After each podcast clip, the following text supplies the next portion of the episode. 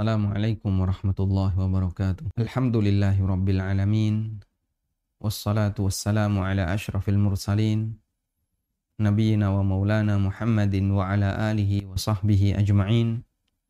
وأشهد أن لا إله إلا الله وحده لا شريك له وأشهد أن محمدا عبده ورسوله صلى الله عليه وعلى آله وصحبه وسلم تسليما كثيرا. ثم أما بعد الحمد لله Puji syukur kita haturkan kehadirat Allah Azza wa Jal. Di kesempatan pagi hari ini kembali kita melanjutkan pelajaran kita membaca buku Ada Orang Utang. Dan insya Allah kita akan memulai bab baru dengan kami beri judul agar mudah melunasi utang. Ada beragam cara yang dilakukan oleh masyarakat agar cepat dalam melunasi utang. Karena seperti yang kita tahu siapa pun manusia kalau dia masih punya pikiran akan beban utang, dia tidak akan pernah merasa tenang.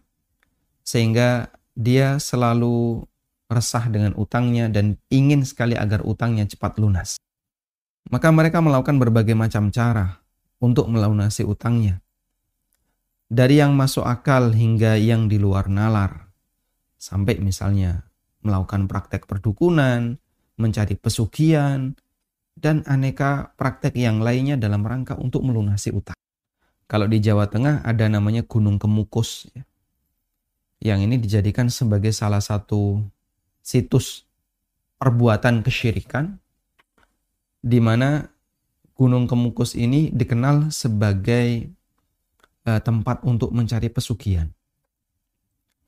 Dan banyak di antara pelaku-pelakunya adalah mereka yang latar belakangnya karena utang piutang. Sehingga mereka ingin biar utangnya cepat lunas, usahanya lancar, dia datang ke sana. Padahal ritual di sana adalah dengan melakukan perbuatan zina. Dan tentu saja ini adalah perbuatan maksiat dosa besar. Sehingga di antara mereka ada yang sampai mengorbankan kehormatannya dalam rangka untuk membebaskan diri dari utang.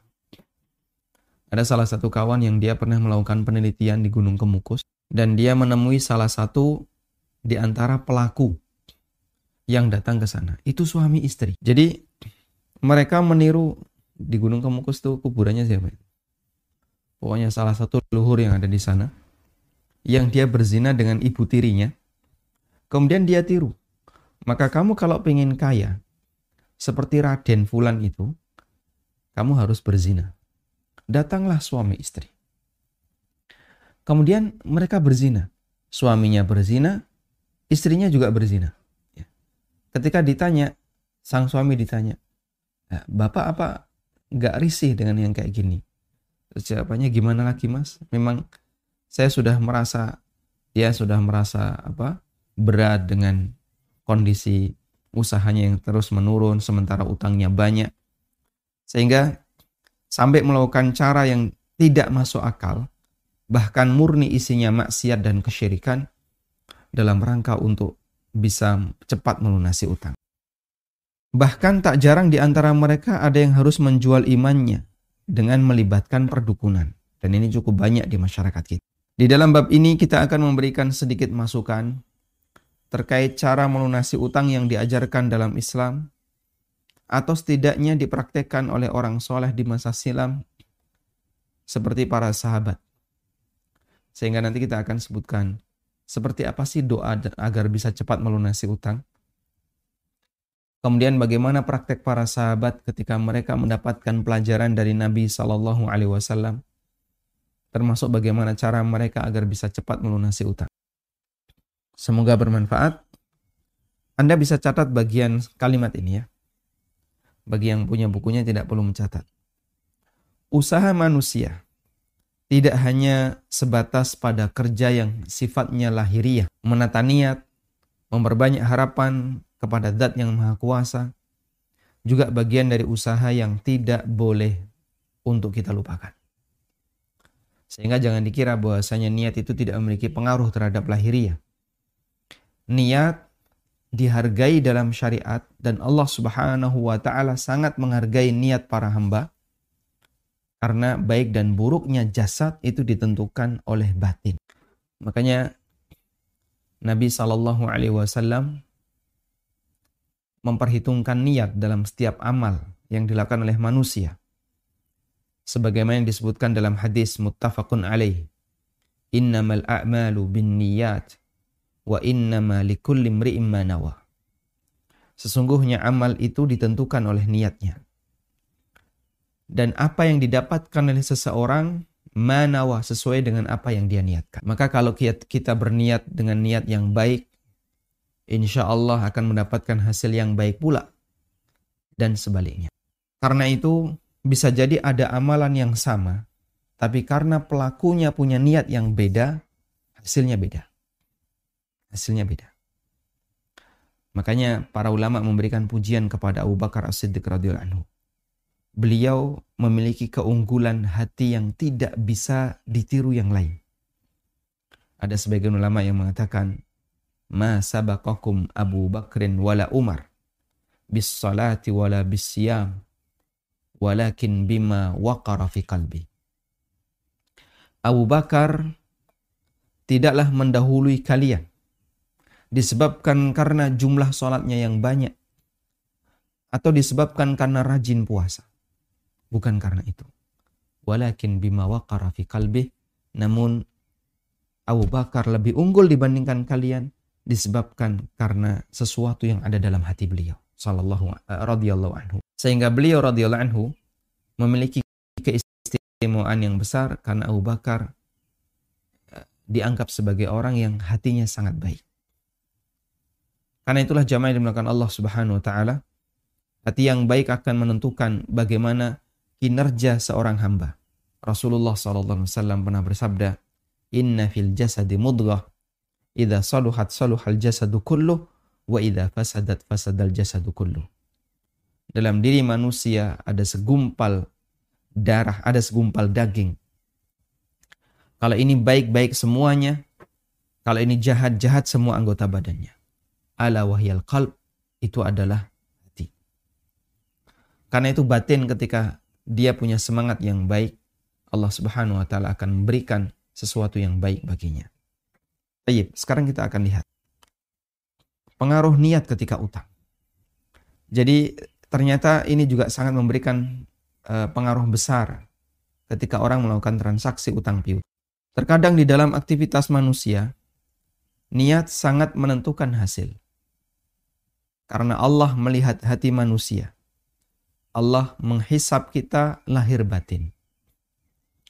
Sehingga sebagaimana ketika kita melakukan amal ibadah yang dilihat tidak hanya bagian dohirnya, termasuk juga bagian batin kita.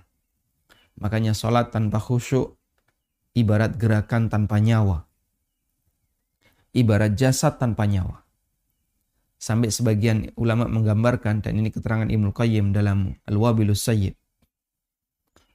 Kalau kamu mempersembahkan kepada seorang raja, kau kasih budak dia, tapi budaknya sudah mati. Jadi mayat budak.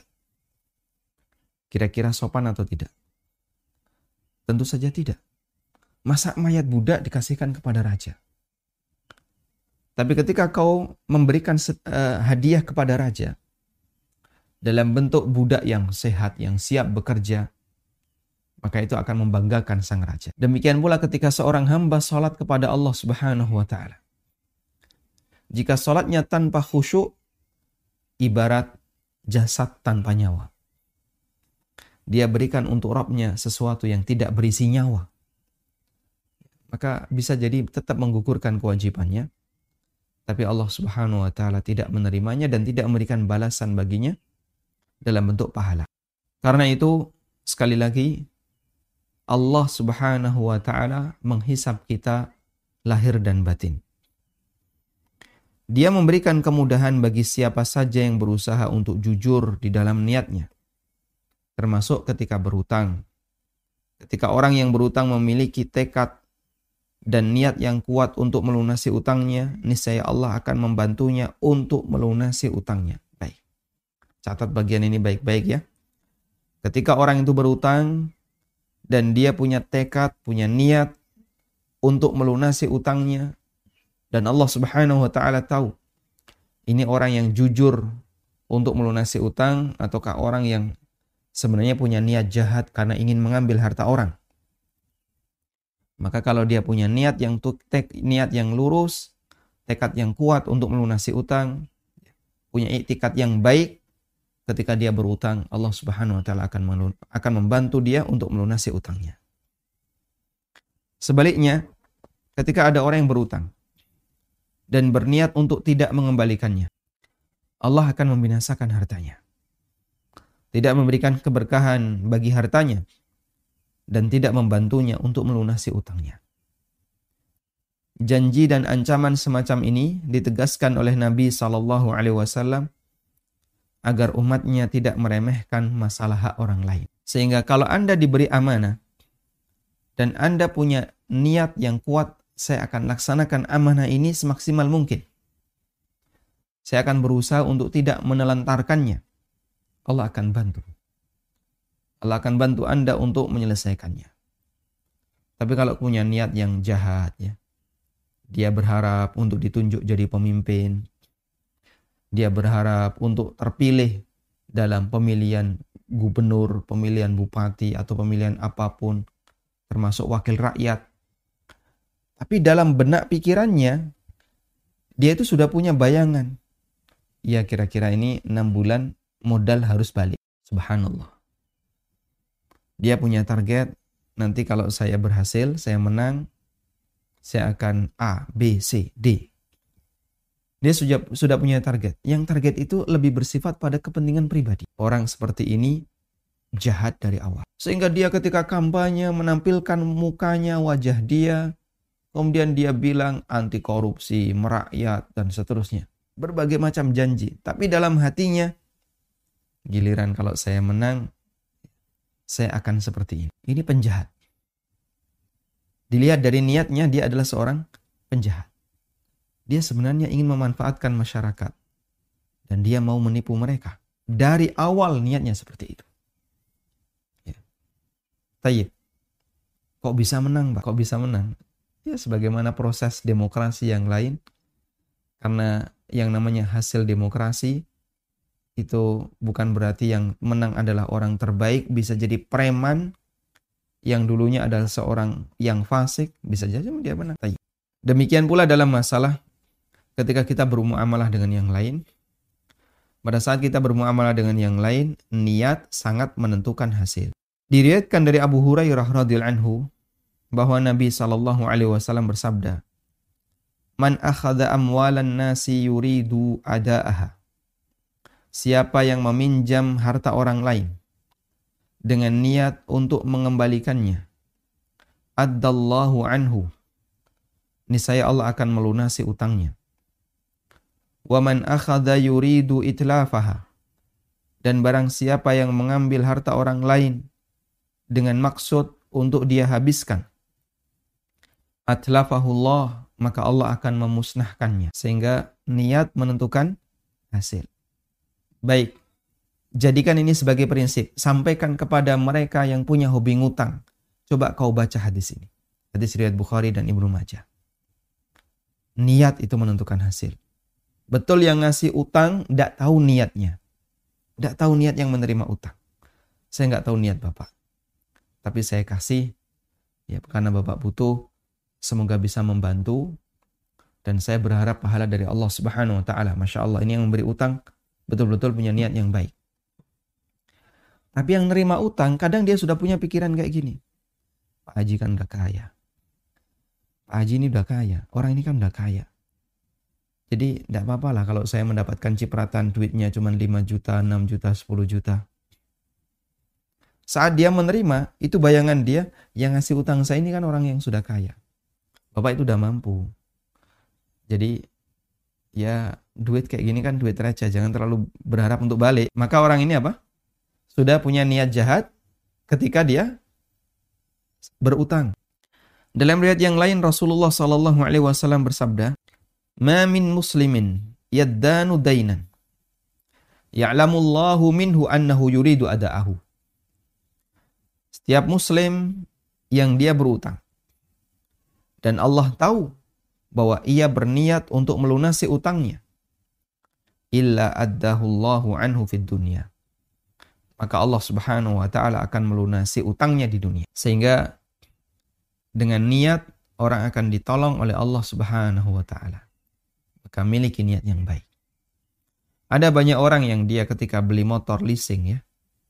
Niatnya sudah jahat dari awal. Begitu dia beli motor, betul STNK tidak ada, lalu dibawa pergi ke pelosok, sudah dibuat dan dijadikan motor bodong. Kalau leasing belum lunas, STNK sudah dikeluarin belum? Sudah, yang nggak ada BPKB ya. BPKB dia nggak keluar. Tapi kalau STNK keluar, dia sudah dapat STNK, wah sudah. Berarti lima tahun ke depan aman. Yang penting pokoknya dibayari pajak terus, aktif, lima tahun ke depan aman. Langsung dibuat macet cicilannya, pergi orangnya. Umum seperti itu di masyarakat. Dia punya niat jahat dari awal. Yang menjadi kunci di sana adalah niat dan semangat. Sehingga dia jika dia mampu untuk melunasi, pasti dia akan segera melunasi. Punya duit, wah ini kayaknya cukup untuk melunasi utang, segera bayar. Punya duit, ini bisa dipakai cicilan, segera dia bayarkan. Bukan kemudian dipakai untuk numpuk kepentingan yang lain.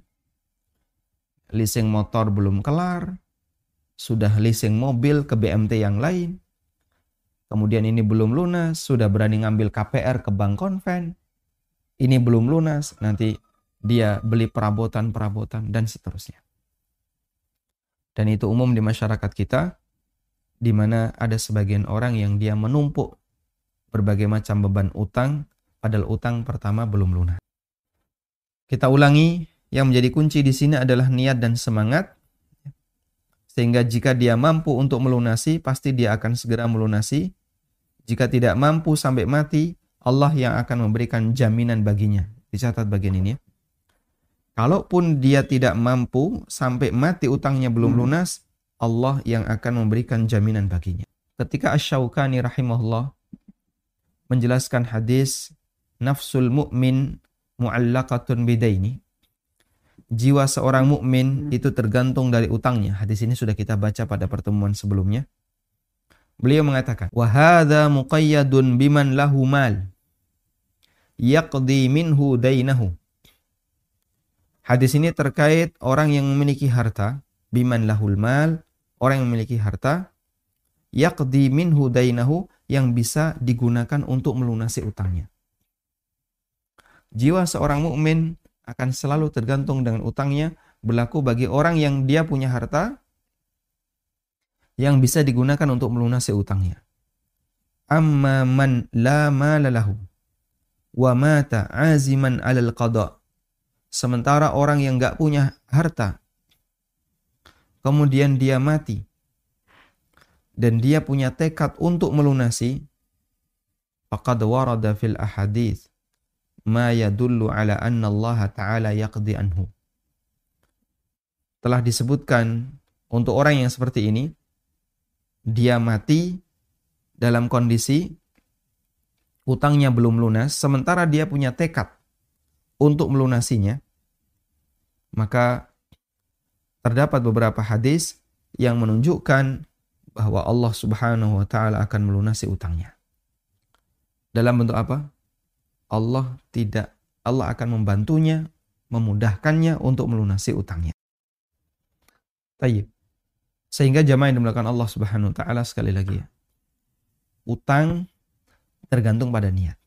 Niat yang baik dan semangat untuk melunasi maka itu bisa menjadi salah satu sebab agar utang seorang hamba dimudahkan oleh Allah Subhanahu wa taala untuk dilunasi. Tolong perhatikan ini baik-baik jamaah. Bagi yang punya hobi ngutang, miliki niat yang jujur, niat yang baik, bahwa niat itu menentukan apakah Anda nanti berhasil untuk melunasi atau tidak, salah satu faktornya adalah niat. Selanjutnya, para ulama mengatakan, dan ini kesimpulan dari sebuah hadis, niat tidak mengembalikan dihukumi pencuri di akhirat. Sehingga dia membawa dosa pencurian, dosa maling bagi orang yang berniat untuk tidak mengembalikan utangnya sampai mati. Dalam pikirannya tadi ya, ya Pak Haji kan udah kaya. Orang yang ngasih utang ini kan udah kaya. Duit sekian ini paling duit receh. Sehingga dia tidak ada semangat sama sekali untuk melunasinya sampai mati. Maka di akhirat dia akan dihukumi sebagai pencuri. Dia dihukumi sebagai pencuri di akhirat, bukan di dunia. Karena orang tidak tahu batinnya. Dia menerima uang itu secara legal ketika di dunia. Tapi hukuman ini ditetapkan di akhirat. Diriwayatkan dari Suhaib Al-Khair. Siapa Suhaib Al-Khair? Suhaib bin Sinan. Suhaib bin Sinan Ar-Rumi. Beliau lebih suka dengan nama Suhaib Al-Khair sebagaimana Salman, Salman Al-Khair. Radhiyallahu anhu bahwa Nabi sallallahu alaihi wasallam bersabda, "Ayyuma rajulin tadayyana dainan wa huwa mujmi'un alla yuwaffiyahu." Siapa pun yang berutang, tadayyana dainan siapa pun yang berutang, wa huwa mujmi'un dan dia bertekad, dia berniat Allah yuwafiyahu iya untuk tidak mengembalikan utang itu, laqiyallaha sarikon maka ketika mati dia akan ketemu Allah sebagai pencuri. Ketika mati dia akan ketemu Allah Ta'ala sebagai maling. Dia membawa dosa maling. Padahal dulu, waktu di dunia, dia menerima uang itu dengan cara legal. Dia tidak melakukan tindakan pencurian. Dia terima uang itu dengan legal. Dia terima uang itu dengan cara yang benar.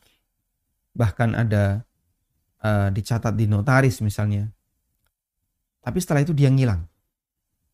Gak ada niat untuk melunasi. Maka di hari kiamat kelak dia ketemu Allah sebagai pencuri. Hukum ini berlaku di akhirat. Hukum ini berlaku di akhirat Artinya dengan hanya memiliki niat semacam ini, dia telah berdosa dari awal.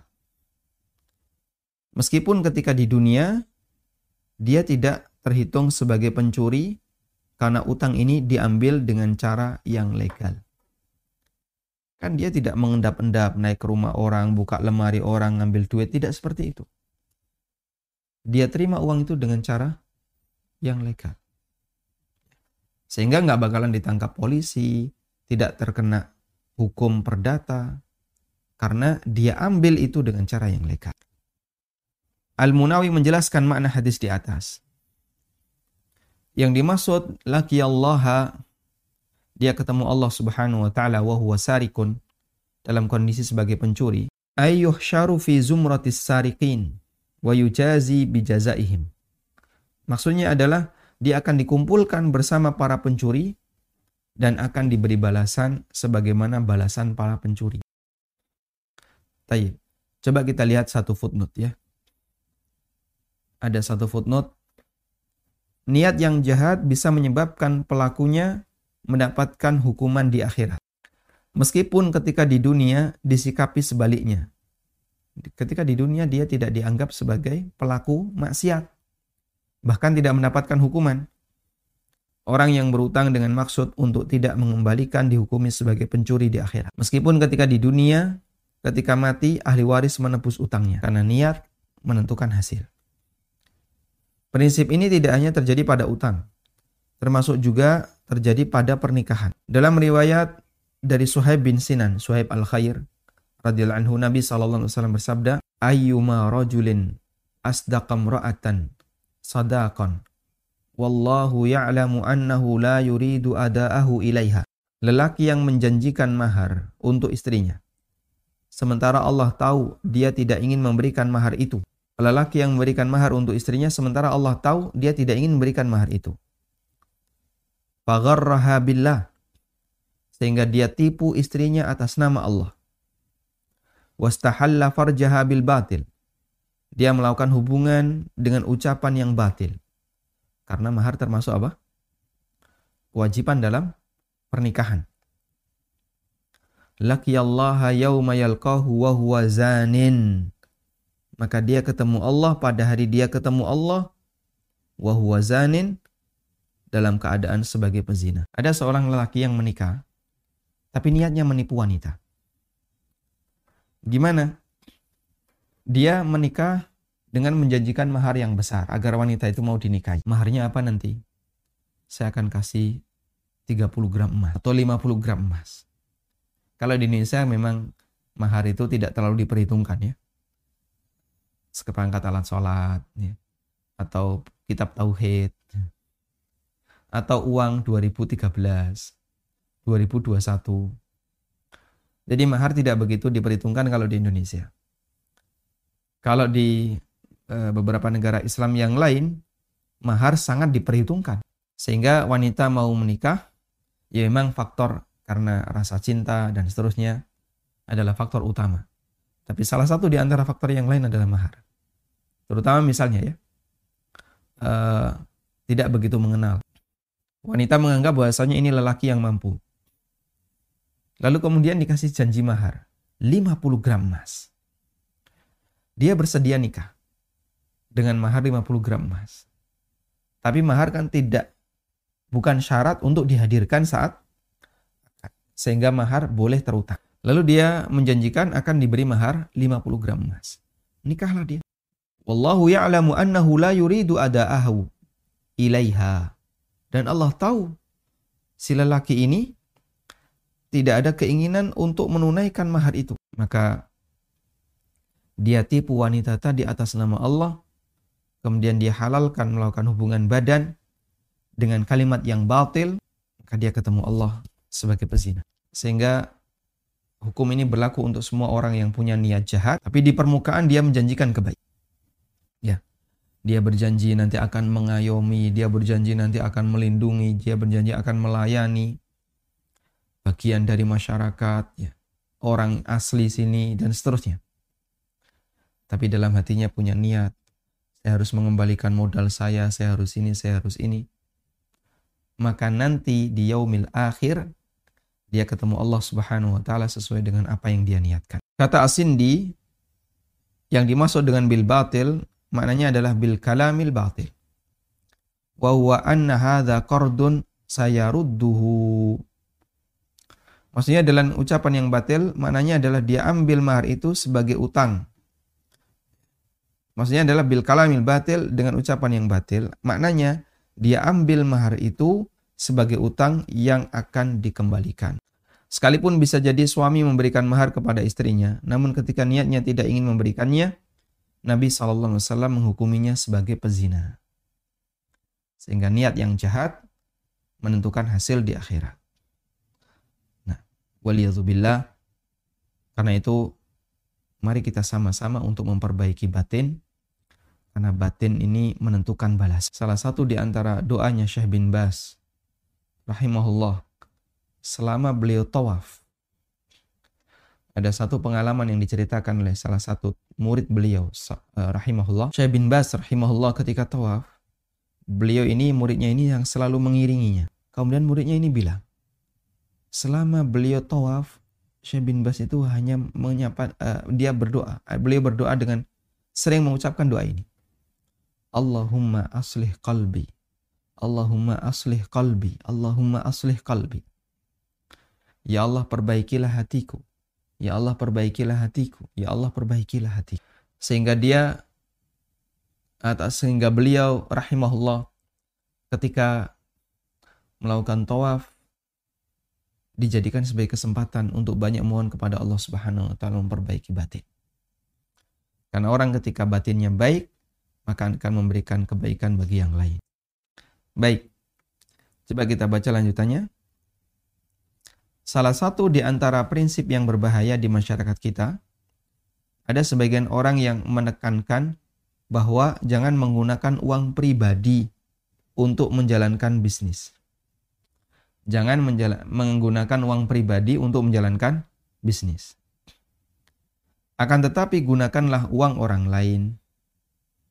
Gunakan uang orang lain Ketika usaha itu nanti bangkrut, maka kerugiannya tidak ditanggung sendiri, tapi juga para pemodal. Sementara akad yang dilakukan adalah akad utang piutang. Sehingga dia ketika membuka usaha, usaha A, ini pinjam dari B. Usaha yang ini pinjam dari Y. Usaha yang ini pinjam dari X. Dia buka banyak usaha. Sementara harta dia pribadi aman. Begitu usaha ini bangkrut, bangkrut, bangkrut, Mungkin pakai uangnya orang lain. Harta dia aman. Dan ini prinsip yang sangat berbahaya. Dulu ada yang kayak gini ya. Apa namanya? EU ya. Entrepreneur University yang memotivasi orang untuk banyak utang. Bahkan eh, apa? Pendirinya mengatakan, kalau kamu ingin terlihat jujur, undang bank ke unit usahamu. Kalau dia sampai memberikan utang, berarti terbukti kamu adalah orang yang terpercaya. Memotivasi orang untuk banyak berutang, ya. Alhamdulillah universitas ini, EU ini, sudah hancur binasa dan pendirinya sudah dipenjara. Ya. Wallahu alam apakah sudah keluar dari penjara ataukah tidak. Dia ngajak orang untuk maksiat kepada Allah Subhanahu wa taala. Dan ternyata punya niat jahat yaitu tidak untuk dikembalikan. Mereka punya niat untuk menipu bank. Bahkan Ibnu Hajar Al-Haytami dalam bukunya Az-Zawajir beliau mengategorikan perbuatan semacam ini termasuk salah satu dosa besar, yaitu berutang dengan niat untuk tidak mengembalikan. Beliau mengatakan, Al-kabiratul khamisah ba'dal mi'atain. Dosa besar di nomor 205. Al-istidanatu ma'aniyatihi adam al-wafa' au adami rajaihi bi allam yattarra wala kana lahu jihad dhahira yafi minha wadda'in jahilun bihalihi. Dosa yang ke-205. Ada orang yang berutang dengan niat tidak melunasi utangnya. Atau dengan niat tidak akan mengembalikannya.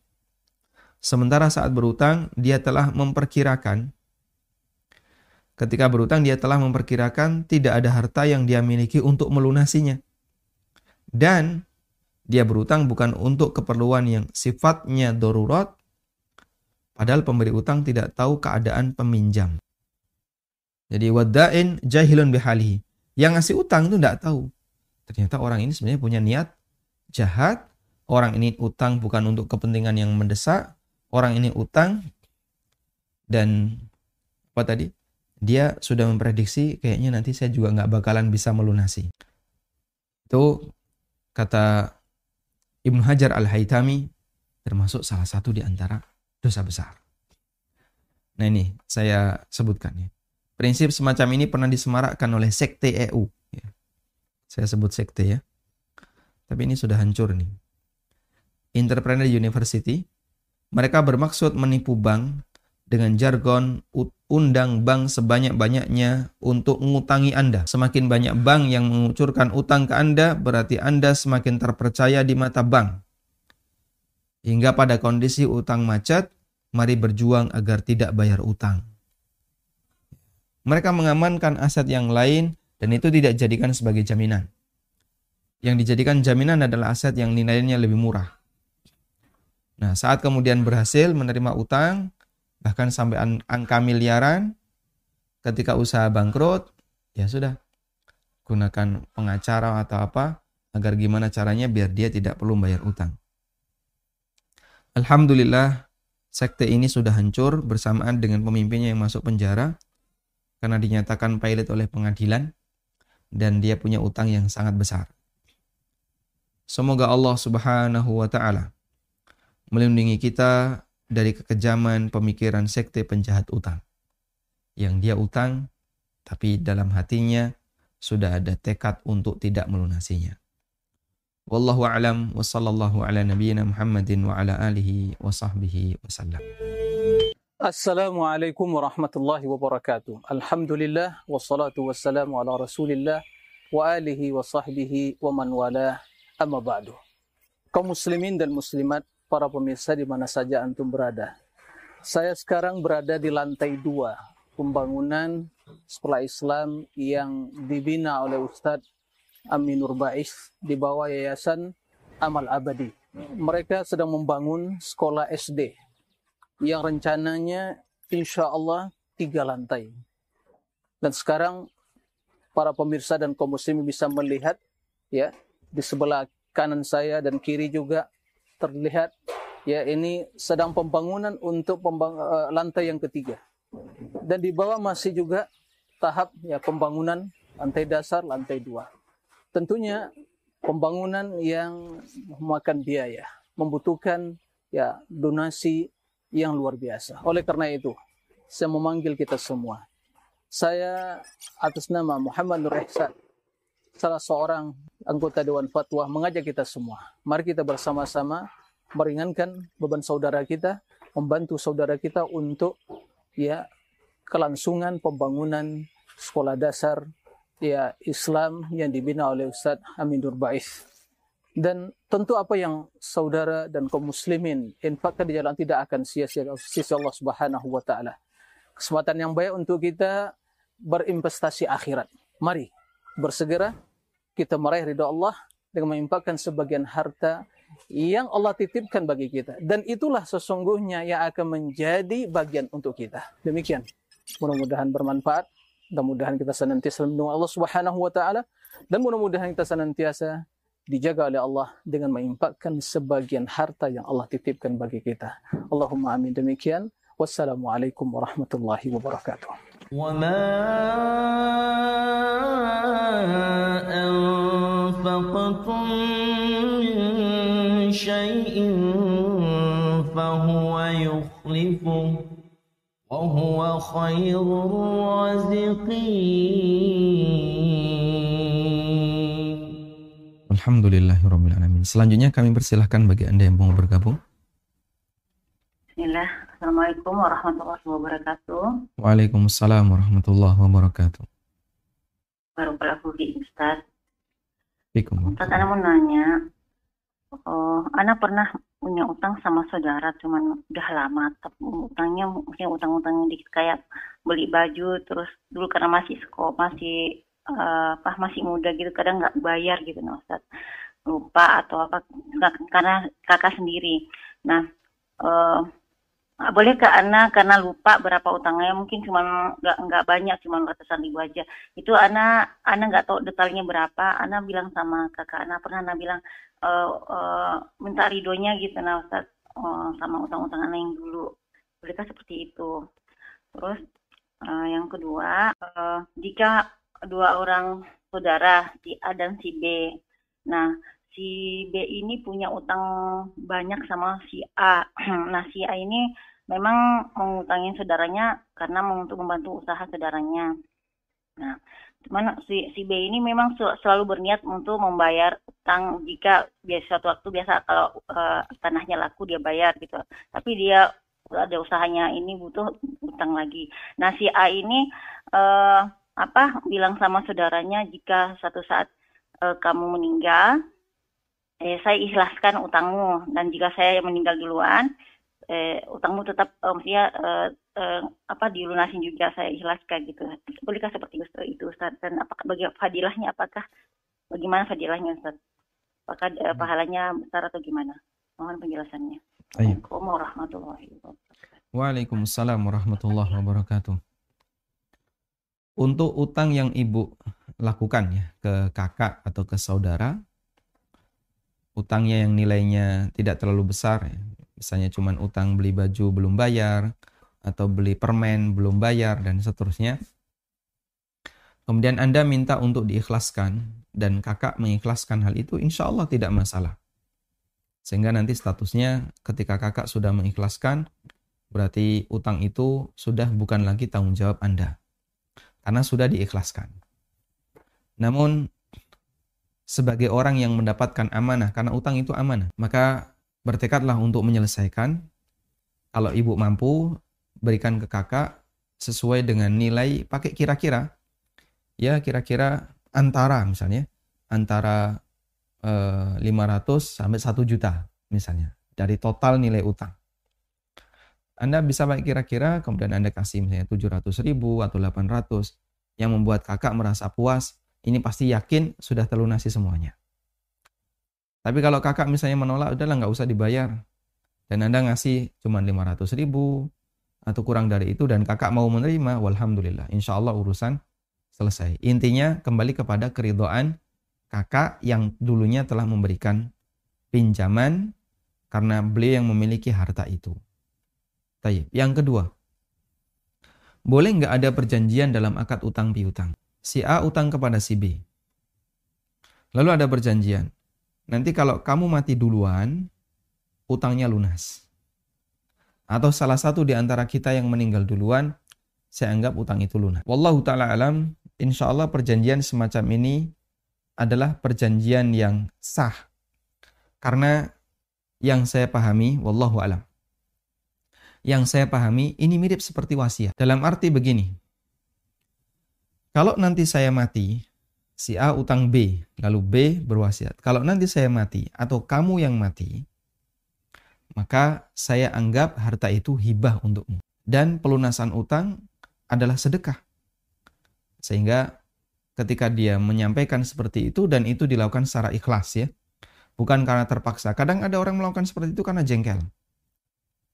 Ditogah, takeh, togah, takeh. Nggak pernah bayar.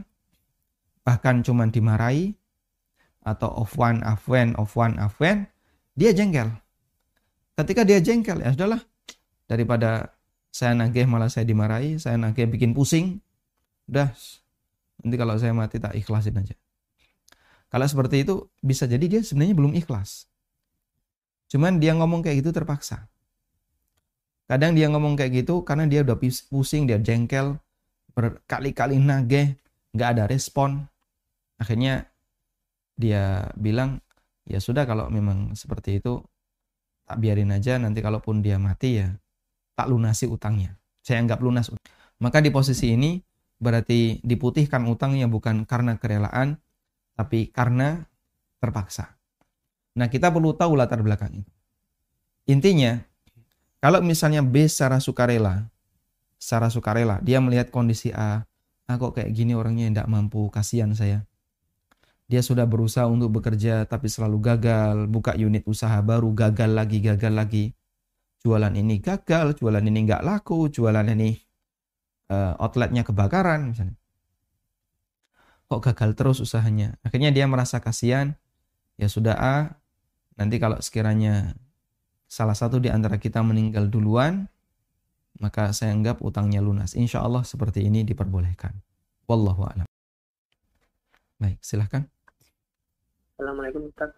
Waalaikumsalam warahmatullahi uh, menyambung pertanyaan kemarin Ustaz yang jamaah Ahmadiyah itu kalau hukum daging sembelihannya itu gimana Ustaz? Ya boleh kita terima nggak Ustaz?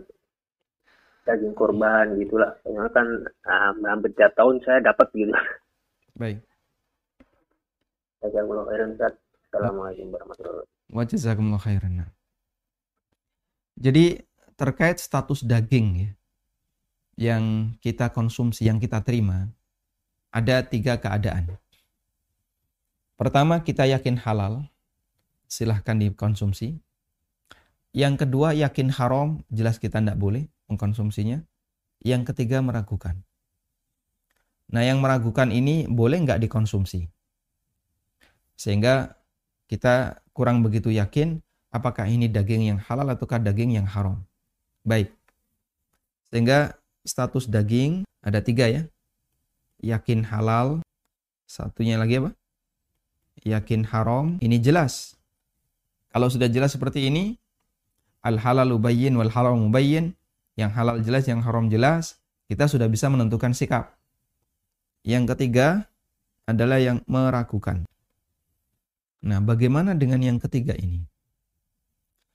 Sesuatu yang meragukan, maka dikembalikan kepada hukum asal.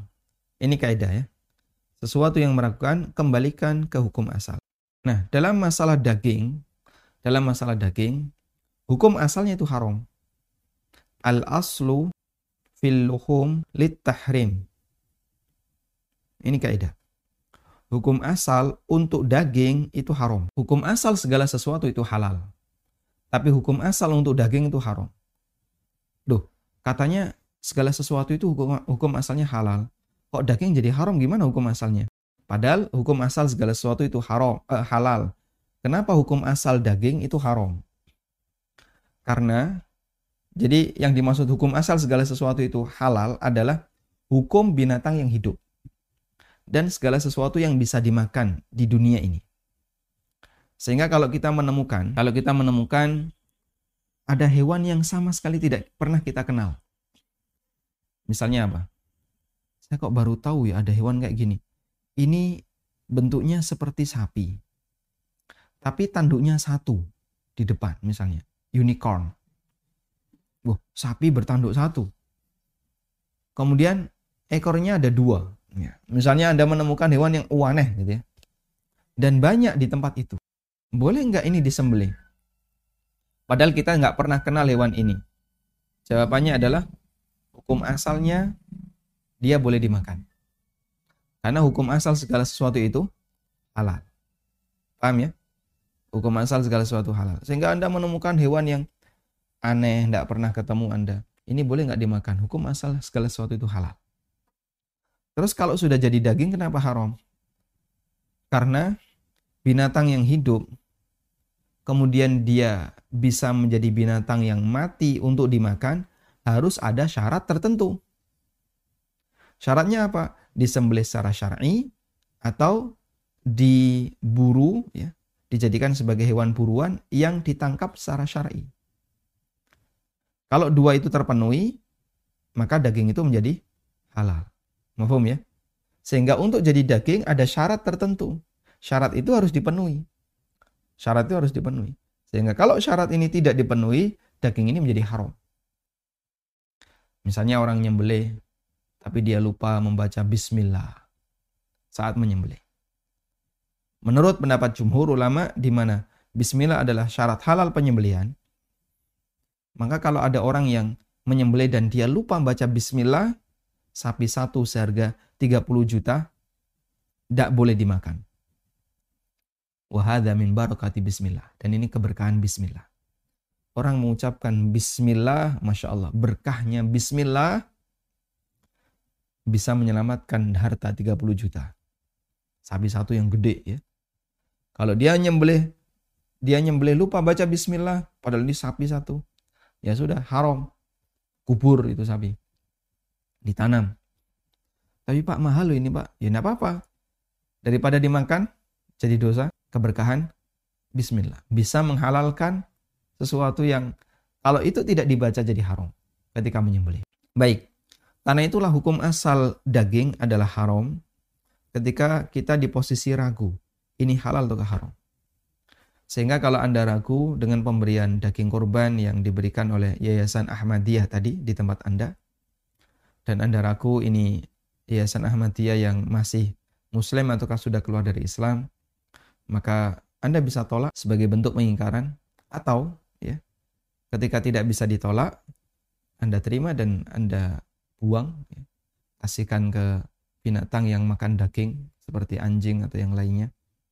Sehingga di posisi ini Anda tidak akan mengkonsumsi daging yang haram. Wallahu Assalamualaikum. Waalaikumsalam warahmatullahi wabarakatuh. Ustaz mau bertanya tentang hibah. Berapa berapa maksimal yang boleh kita hibahkan untuk anak kandung dan berapa maksimal yang boleh kita hibahkan ke pihak yang lain Ustaz. Itu yang pertama. Ya, yang kedua tentang zakat mal. Jika saya punya hutang zakat mal yang sudah sekian tahun belum saya bayar, apakah itu boleh saya cicil eh, setiap bulan misalkan saya cicil sekian rupiah, sekian rupiah, seperti itu apa diperbolehkan Ustaz? Oke, itu Baik. aja. Terima kasih.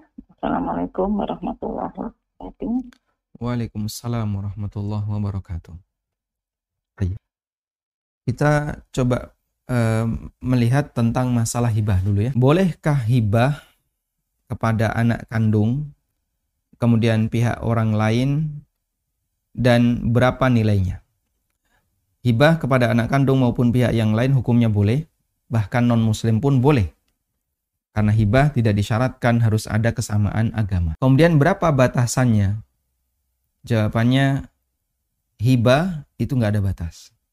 Boleh nggak menghibahkan semuanya? Boleh. Seperti fatwa Syekh bin Bas rahimahullah. Kalau ada orang tua yang menghibahkan seluruh harta anaknya, boleh. Cuman uh, dalam penjelasan beliau, beliau menyarankan sebaiknya jangan semua.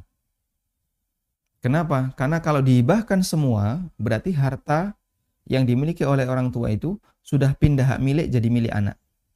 Nah, sementara kan orang tua ini masih butuh nafkah, butuh tempat tinggal, dan seterusnya. Harta ini sudah jadi milik anaknya. dia butuh harta, dia butuh nafkah dan seterusnya. Maka dia akhirnya minta ke anaknya. Jadinya dia yang minta ke anaknya. Ikut apa tinggal di tempat anaknya, nebeng di tempat anaknya. Padahal aslinya harta itu berasal dari dia.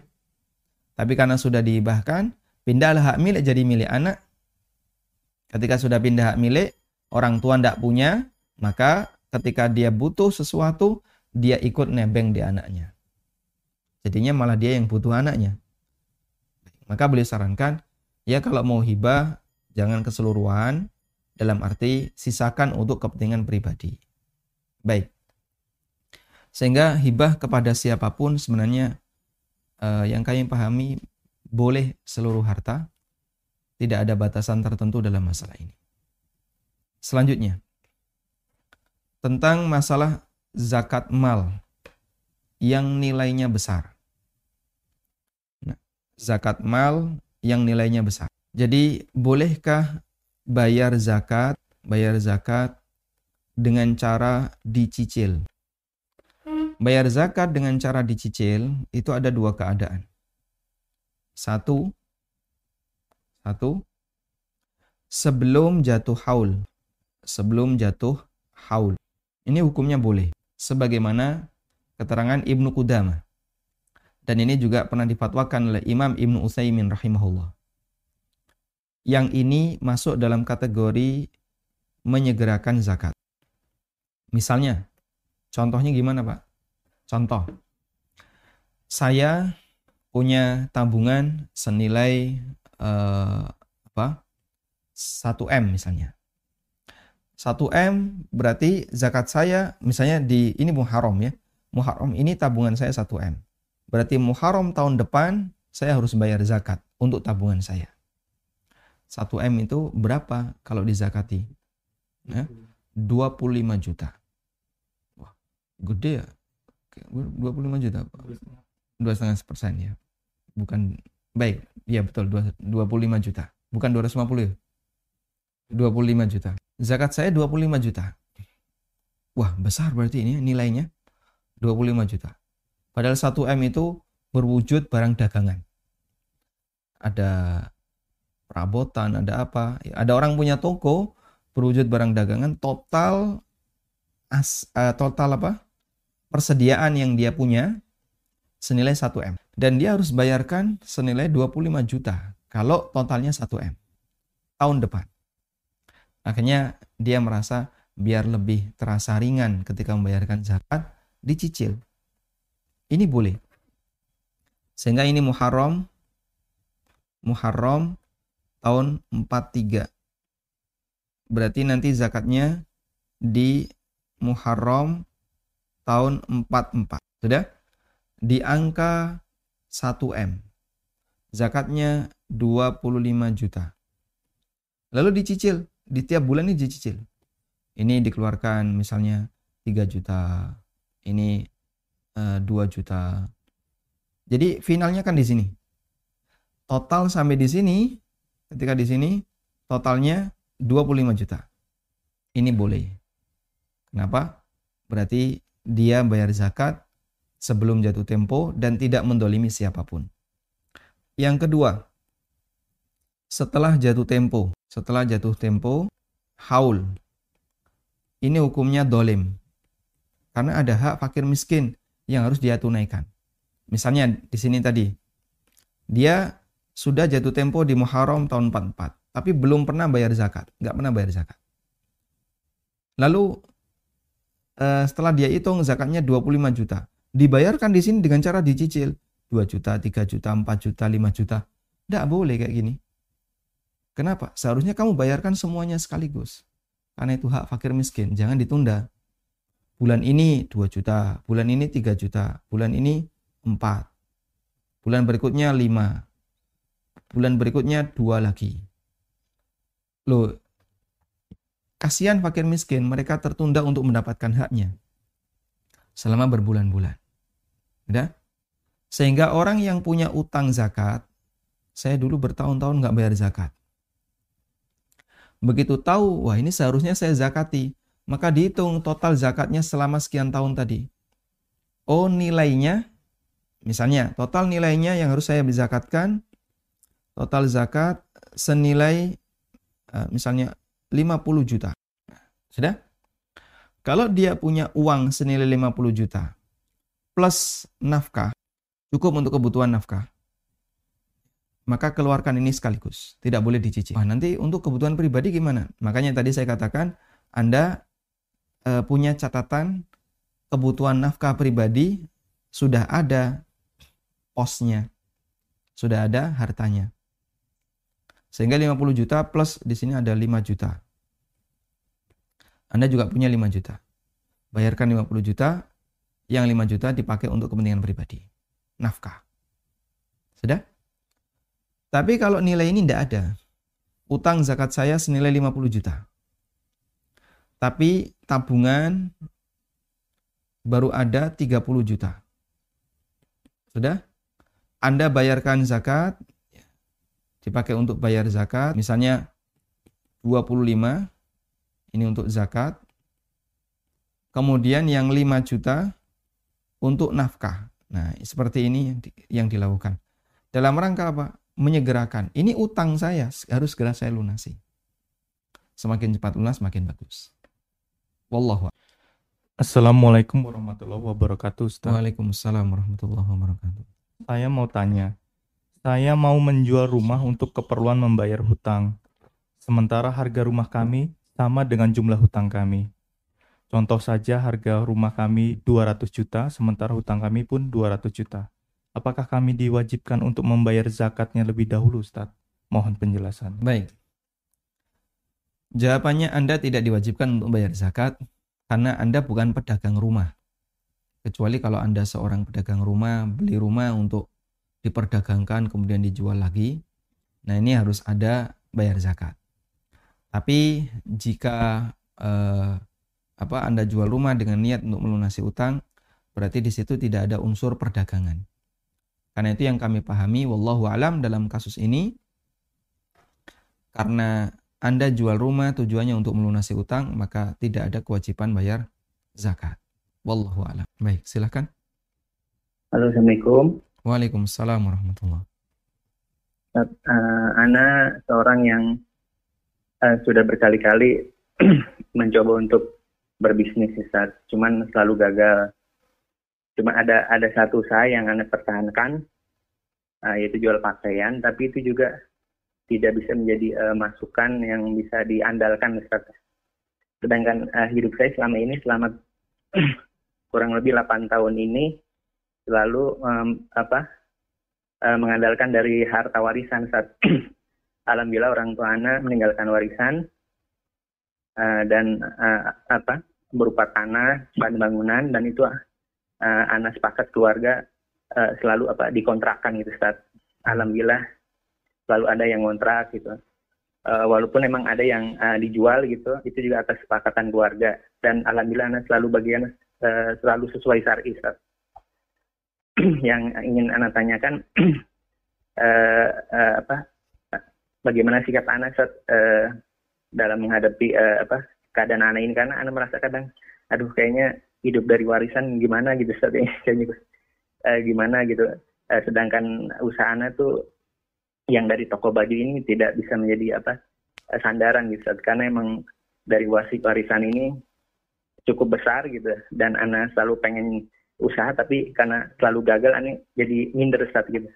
Anak udah coba kerja juga cuman tiap anak kerja itu uh, malah jatuhnya jadi apa kok kerja malah jadi tekor gitu saat jadi karena anak, anak sempat kerja apa kerja uh, grab gitu kok karena apa malah jadi tekor anak akhirnya berhenti dan uh, ya mengandalkan dari warisan ini Ustaz. Mohon nasihatnya Ustaz itu saja. Jadi khair. Assalamualaikum warahmatullahi wabarakatuh. Waalaikumsalam warahmatullahi wabarakatuh. Baik. Allah subhanahu wa ta'ala telah menetapkan rizki seluruh hambanya. Meskipun kita tidak tahu sumbernya dari mana. Sehingga kewajiban kita adalah menjaga diri jangan sampai mengambil sesuatu yang haram.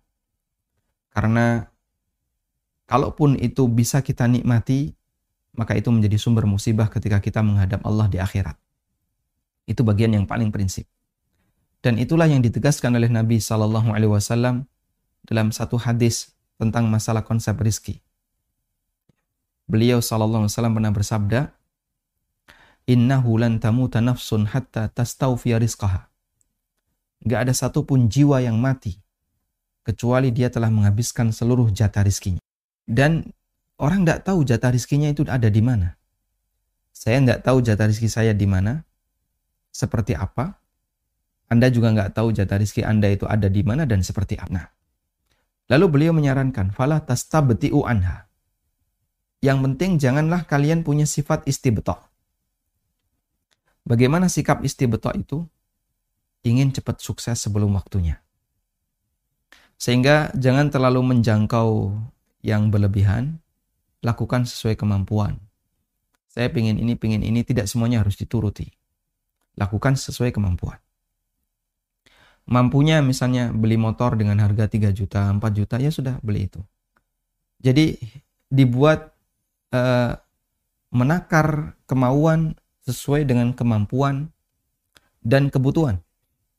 Kalau kemudian butuh A, butuh B, ya silahkan dipenuhi sesuai dengan tingkat kemampuan Anda.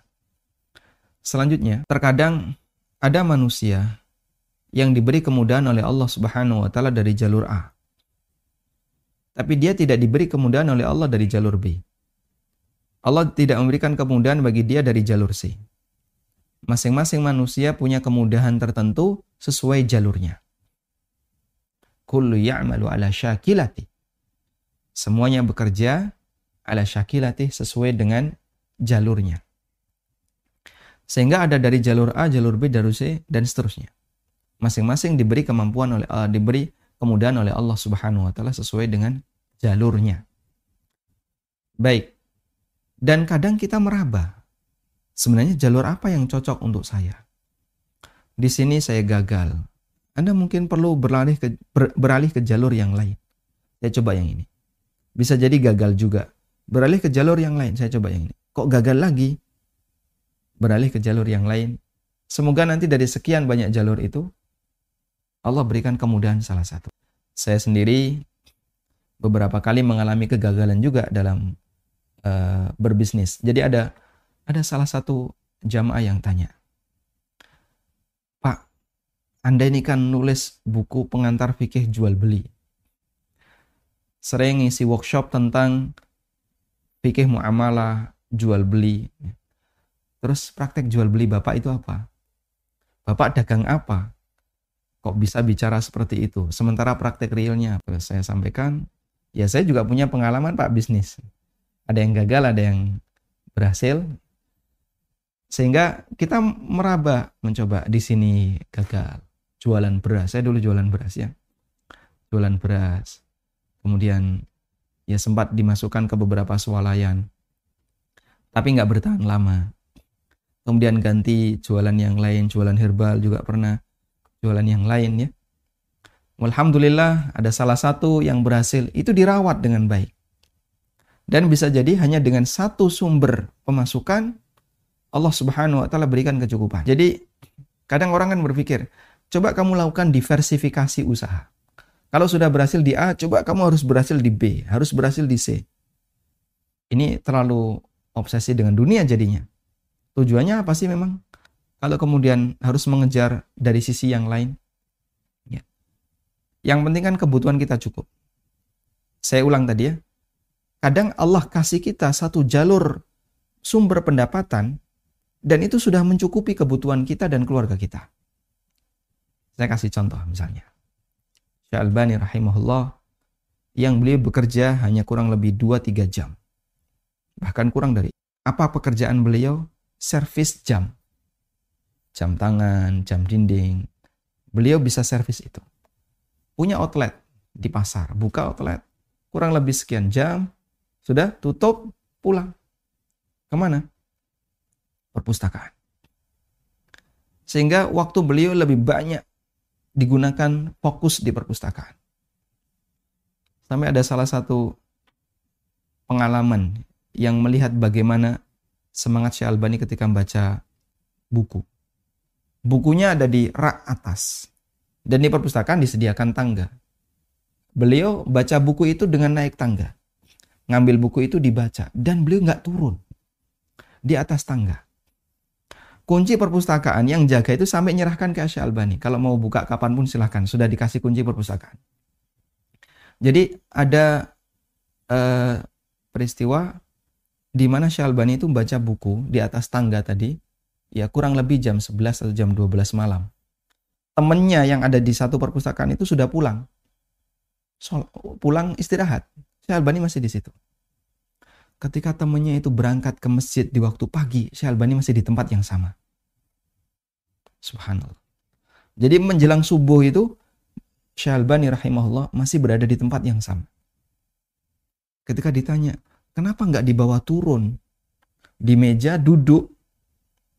Kata beliau, nanti terlalu sering mondar-mandir naik turun. Udahlah biar di sini saya agak capek dikit kan jadinya harus berdiri di atas tangga sambil baca buku. Itulah semangat orang ketika ilmu itu seperti nutrisi bagi batin yang dia tidak pernah merasa puas untuk memenuhi batinnya dengan ilmu dan kita bisa saksikan karya beliau Masya Allah sangat membantu kaum muslimin. Jarang sekali ada buku kemudian di situ tidak dituliskan disahihkan oleh Syekh Albani, didoaifkan oleh Syekh Albani. Padahal ketika beliau belajar, beliau nggak punya bayangan kalau ternyata karyanya dipakai oleh manusia dunia. Dipakai oleh manusia sedunia. Tapi Allah Subhanahu wa taala jadikan keberkahan. Dan sumber pendapatan beliau hanya kerja kurang lebih 1-2 jam untuk servis jam tangan, servis jam dinding di pasar dan itu mencukupi untuk nafkah beliau dan keluarga beliau. Sisa waktunya dipakai untuk berdakwah, dipakai untuk belajar dan mengajar.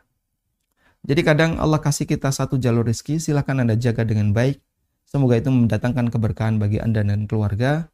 Tidak perlu mengejar terlalu jauh, masing-masing punya jatah rezeki sendiri-sendiri. Wassallallahu ala wa ala alihi wa wa sallam. Rabbil alamin. Subhanakallahumma wa bihamdika illa anta wa atubu warahmatullahi wabarakatuh.